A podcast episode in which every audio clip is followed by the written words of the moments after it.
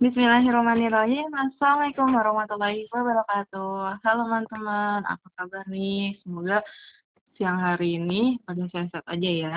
Nah, kali ini nih, podcast kali ini, ya seperti kalian udah pada tahu kan, untuk memenuhi tugas mata kuliah ekonomi mikro Islam.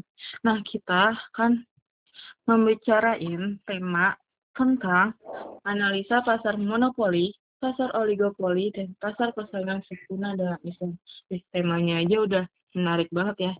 Mending kita langsung aja untuk manggil pembicaranya. Penasaran kan siapa?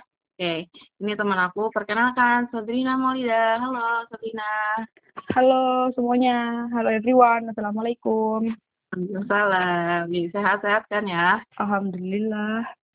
Ya, alhamdulillah. Oke, mungkin mau langsung aja Pak gimana? Boleh, boleh langsung aja. Soalnya ini kan kayaknya banyak jadi memakan durasi yang cukup panjang. Oke, oke. Oke deh, langsung aja ya.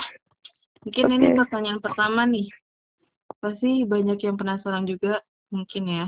Pasar persaingan sempurna tuh apa gitu? Bisa dijelasin nggak, Sabrina? Oke. Sebelum bahas itu, aku mau bahas dulu nih pasar itu apa. Iya boleh. Nah jadi tuh simpelnya pasar itu adalah tempat bertemunya penjual dan pembeli atau bisa dikatakan bertemunya antara permintaan dan penawaran.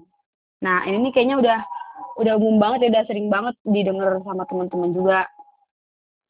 Nah ternyata tuh pasar ada beberapa golongannya tahu nih. Yang pertama nih pasar berdasarkan wujudnya pasar berdasarkan wujudnya itu ada dua, ada pasar konkret sama pasar abstrak. Kayak namanya nih ya, pasar konkret itu adalah pasar nyata. Ya pastinya pasar yang menunjukkan bahwa tempat terjadinya pembeli dan penjual tuh di satu tempat dengan cara tatap muka. Nah yang kedua itu pasar abstrak. Nah namanya aja abstrak, berarti gak kelihatan dong. Nah pasar hmm. ini pasar ini tuh pasar yang uh, penjual dan pembelinya tidak bertemu secara langsung. Ya katakanlah kalau misalkan sekarang tuh kita sering nyebutnya tuh pasar online, jual beli online. Hmm. Kayak banyak banget lah contoh-contohnya. Nah, terus yang kedua, golongan pasar berdasarkan waktu terjadinya. Nah, berdasarkan waktu terjadinya, pasar itu dibagi menjadi menjadi lima bagian. Yang pertama, pasar harian, pasar mingguan, pasar bulanan, pasar tahunan, dan pasar tem temporer sesuai namanya ya, pengertiannya itu semua sesuai namanya. Kalau misalkan pasar harian, ya aktivitasnya berarti adanya tiap hari. Gitu. Terus kalau pasar mingguan, itu aktivitasnya setiap satu minggu sekali. Misalkan pasarnya tiap hari Rabu, ya udah hari Rabu aja. Tiap hari Minggu, berarti hari Minggu aja gitu. Hmm. Paham kan? Paham. Nah, terus yang ketiga tuh pasar bulanan. Pasar bulanan itu juga dilakuin aktivitasnya setiap satu bulan sekali. Kayak apa ya contohnya? Banyak ya contohnya pasar bulanan tuh. Iya, mungkin kayak bazar gak sih? Iya, bazar, boleh tuh. Terus yang selanjutnya itu pasar tahunan. Nah, pasar tahunan itu juga uh, pasaran dia, di yang dilakuinnya tuh ya udah aktivitasnya tiap tahun sekali gitu. Hmm. Kayak Pekan Raya Jakarta, pasar malam gitu kan. Iya, iya. Terus yang terakhir tuh pasar temporer, yaitu pasar yang uh, aktivitasnya ada di waktu-waktu tertentu. Eh, bukan waktu-waktu tertentu ya. Kayak sewaktu-waktu aja gitu, gak ditentuin, tidak rutin juga. Kayak tadi, hmm. kayak bazar juga masuk pasar temporer, pasar murah, pasar karena ada apa gitu, mungkin perayaan kemerdekaan atau apa gitu. Hmm. Terus uh, golongan golongan pasar yang ketiga tuh berdasarkan legalitasnya.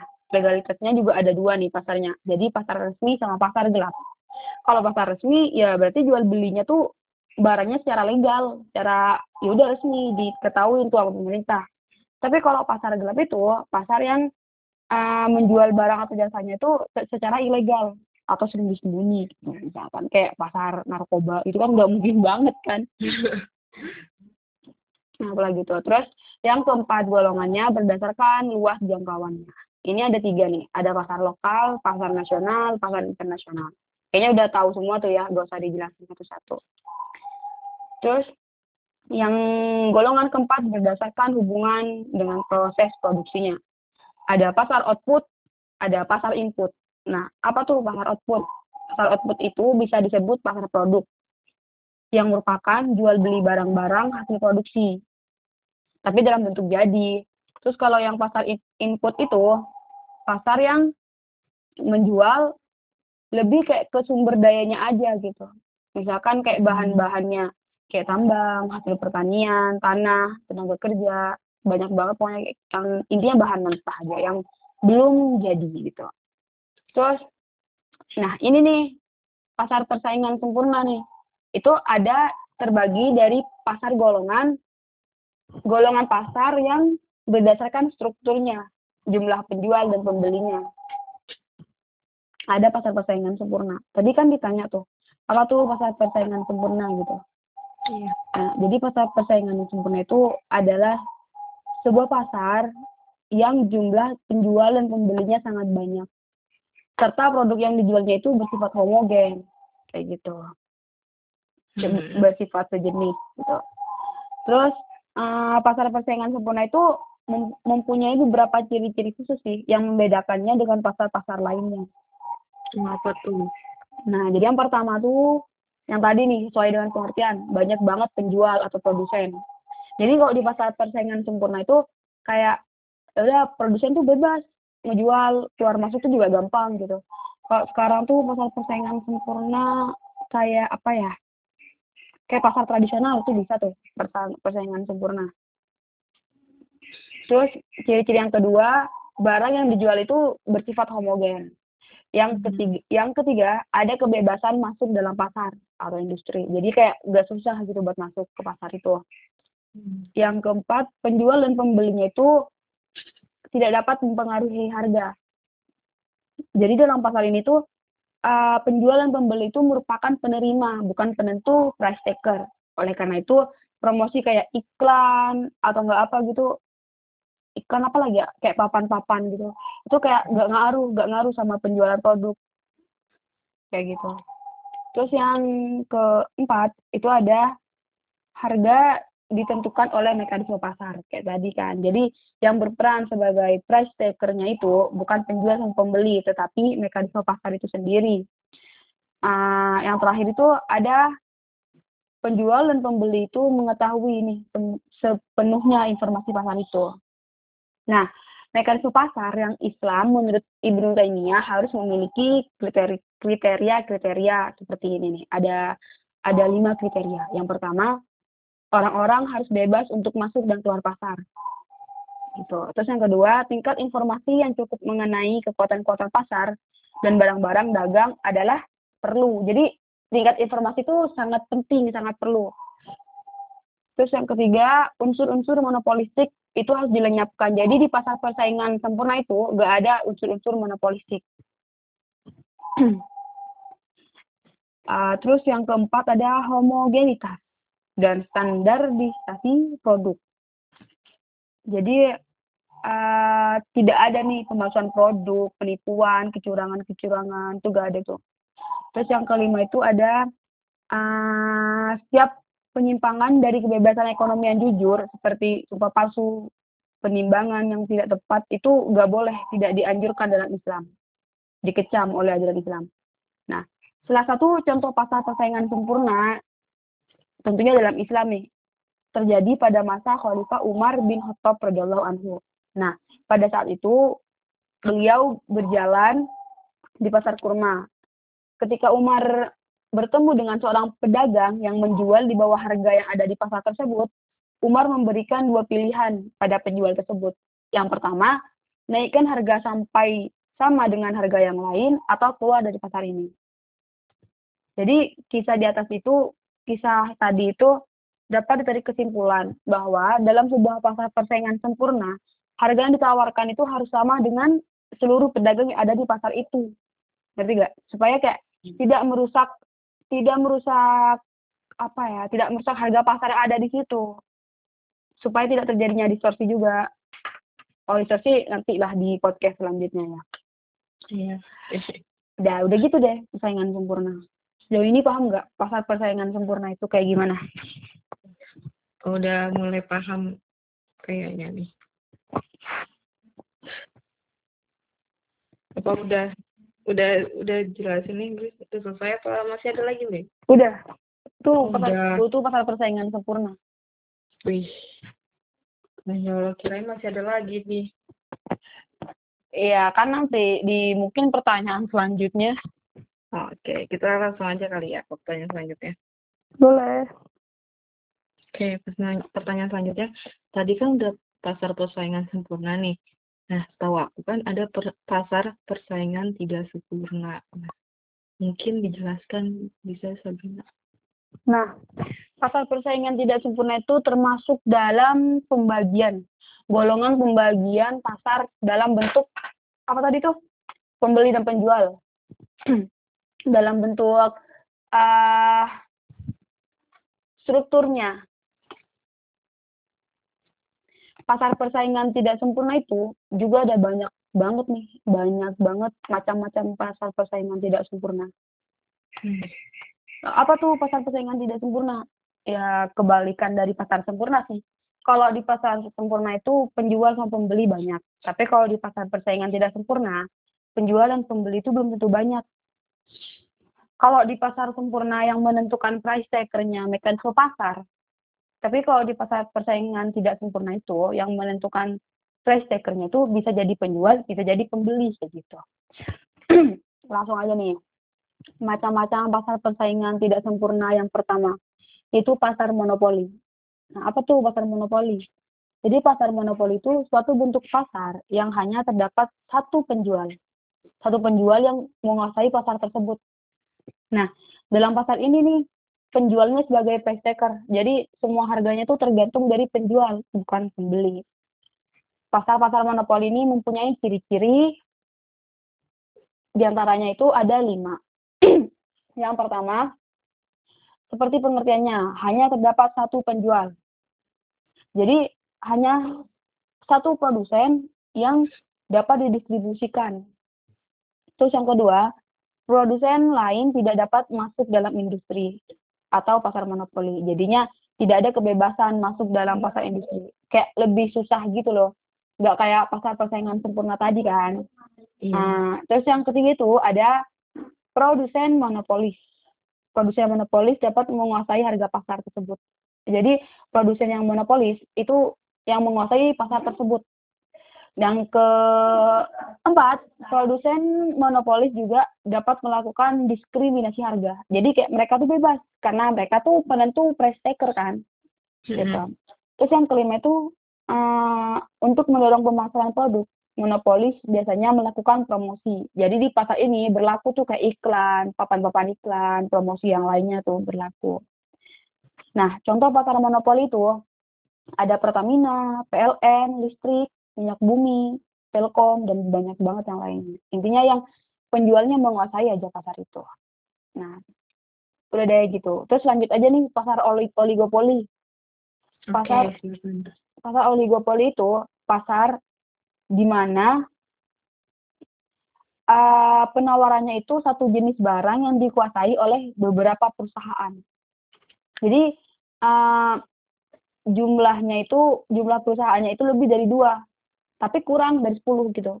Kayak persaingannya tuh gak banyak banget, tapi gak dikit banget juga gitu. Pasar oligopoli itu memiliki beberapa ciri-ciri, di antaranya yaitu uh, kalau dalam pasar hanya ada dua penjual, maka disebut duopoli. Dalam oligopoli tersebut ya. Kalau yeah. dalam pasar itu produknya yang dijual homogen, maka disebut pure poligopoli. Terus yang ketiga, kalau produk yang dijual adalah berbeda, maka disebut different differentiated oligopoli. Ya benar, agak susah sih bacanya. Terus yang keempat, uh, kemungkinan produsen baru dapat masuk dalam pasar atau industrinya itu tidak sesulit dalam monopoli. Jadi oligopoli itu tidak sesulit monopoli ini buat produsen yang baru ingin masuk ke dalam pasar tersebut gitu. Terus yang terakhir, uh, seorang produsen tindakan seorang produsen itu akan mempengaruhi produsen lainnya. Gitu deh. Contohnya tuh kayak industri mobil, industri elektronik, industri motor, banyak lagi itu pokoknya. Terus hmm. selain itu kan ada banyak nih, ada banyak banget pasar persaingan tidak sempurna. Yeah. Ada nih pasar persaingan monopolistik. Mungkin nggak apa-apa lah ya melenceng bukan melenceng uh, lebih luas daripada tema yang kita bahas. Iya nggak apa-apa. Nah, pasar persaingan monopolistik itu adalah bentuk pasar yang di dalamnya itu terdapat banyak produsen yang menghasilkan barang serupa. Tapi tapi barangnya itu kayak mempunyai ciri khas masing-masing gitu, berbeda dalam beberapa aspeknya. Misalkan nih, kayak sampo pasta gigi, banyak tuh kan merek sampo. Apalah banyak Mhm. banget. Tapi baunya, kualitasnya, aspek-aspeknya berbeda pastinya kan.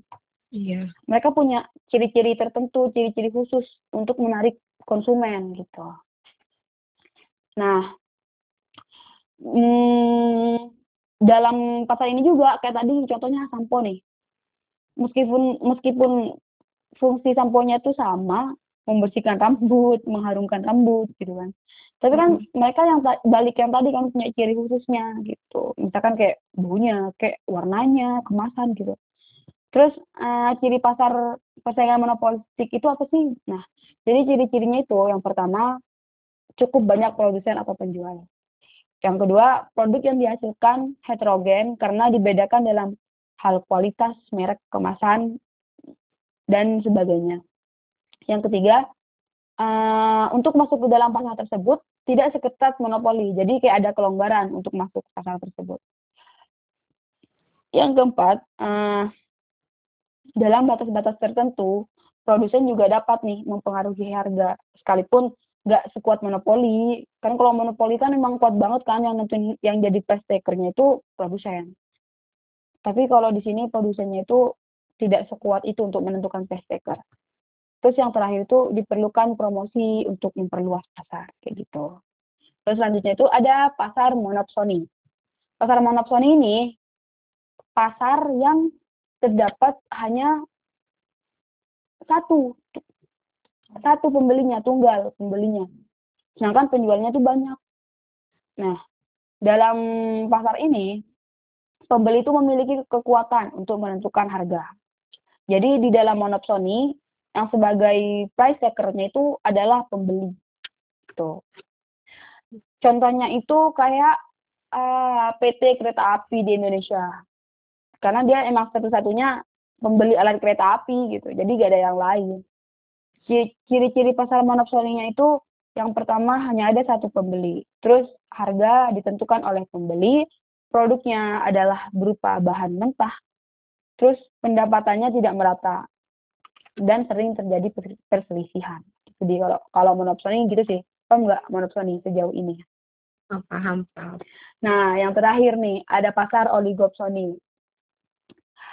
Pasar oligopsoni itu, pasar yang barangnya dihasilkan oleh beberapa perusahaan dan banyak perusahaan juga yang bertindak sebagai konsumen. Maksudnya paham nggak maksudnya?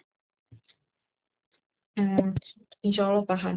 Iya, jadi di pasar oligopsoni itu, pembeli juga bertindak sebagai konsumen. Contohnya nih, kayak Telkom, perusahaan Telkom, jaringan-jaringan seluler Indosat, Mobile, atau Excel, Komindo. Mmm. Banyak lah pokoknya. Yang merupakan pembelian infrastruktur telko telekomunikasi. Contoh lainnya sih produksi rokok, produksi rokoknya. Mmm. Nah, dalam pasar ini yang menentukan harga atau price taker-nya itu adalah pembeli. Ciri-cirinya itu, yang pertama memiliki beberapa pembeli, yang kedua, pembeli didominasi oleh para distributor dan bukan konsumen. Yang ketiga, produk yang diperjualbelikan itu adalah bahan mentah. Nah, nantinya itu pembeli yang merupakan distributor akan meng mengelola bahan tersebut menjadi, eee, produk jadi, dan setelah itu baru dijual kembali ke konsumen akhir, gitu. Terus, ciri-ciri yang selanjutnya yaitu harga produk yang dijual cenderung stabil. Nah, hal tersebut karena sudah ada ketentuannya tuh bahwa harga produk di pasar itu memang harus stabil, nggak boleh tuh diubah-ubah sendiri. Mmm. Terus selanjutnya menjual produk yang sejenis. Dan yang terakhir pendapatannya merata. Jadi kalau di pasar oligopsoni, pendapatannya itu cenderung merata. Soalnya kan tadi harganya stabil, nggak bisa diganti. Jadi kemungkinan pendapatannya itu merata, kayak gitu. Gitu deh. Ih, Masya Allah. Penjelasannya cukup ini ya, menarik. Cukup rinci sepertinya. Iya. Apa ada lagi, Sabrina? Udah sih, itu aja. Jadi, simpulan aja nih dari aku. Boleh, sok. Kalau pasar persaingan sempurna itu pasar yang di dalamnya terdapat banyak penjual dan pembeli, serta bersifat homogen. Di pasar persaingan sempurna itu, yang menentukan price adalah mekanisme pasar. Jadi pembeli sama penjual tuh tidak bisa menentukan price. Tapi kalau pasar persaingan tidak sempurna itu, pasar yang di dalamnya tidak dapat banyak penjual dan pembeli. Nah, yang yang nentuin price itu uh, bisa penjual, bisa pembeli. Macam-macam dari pasar persaingan sempurna itu ada pasar monopoli, pasar oligopoli, pasar monopsoni, pasar monopolistik, pasar banyak deh. Pasar apa tadi yang udah aku bahas tuh? Pasar oligopsoni gitu dah. Hmm, Jadi gitu deh. banyak banyak. Widih, mantap nih. Ini masuk banget sih materinya. Ya, amin. Amin. Nah, mungkin udah kali ya, Brin? Udah. Oke, makasih kepada Sabrina yang udah mau menjelaskan secara detail tentang apa tadi pasar sempurna, pasar tidak sempurna, terus apa tadi itu dan lainnya ya, pasar yang lain. Makasih ya Sabrina udah meluangkan waktunya. Semoga berkah. Amin. Maaf Oke. juga nih teman-teman kalau misalkan ada yang salah atau kurang. Iya benar. Oke. Mungkin podcast kali ini kita sudahi dan makasih para pendengar yang udah mau dengar semoga masuk materinya Amin. dan kurang lebihnya mohon maaf. Eh, ketemu lagi di podcast selanjutnya. Assalamualaikum warahmatullahi wabarakatuh.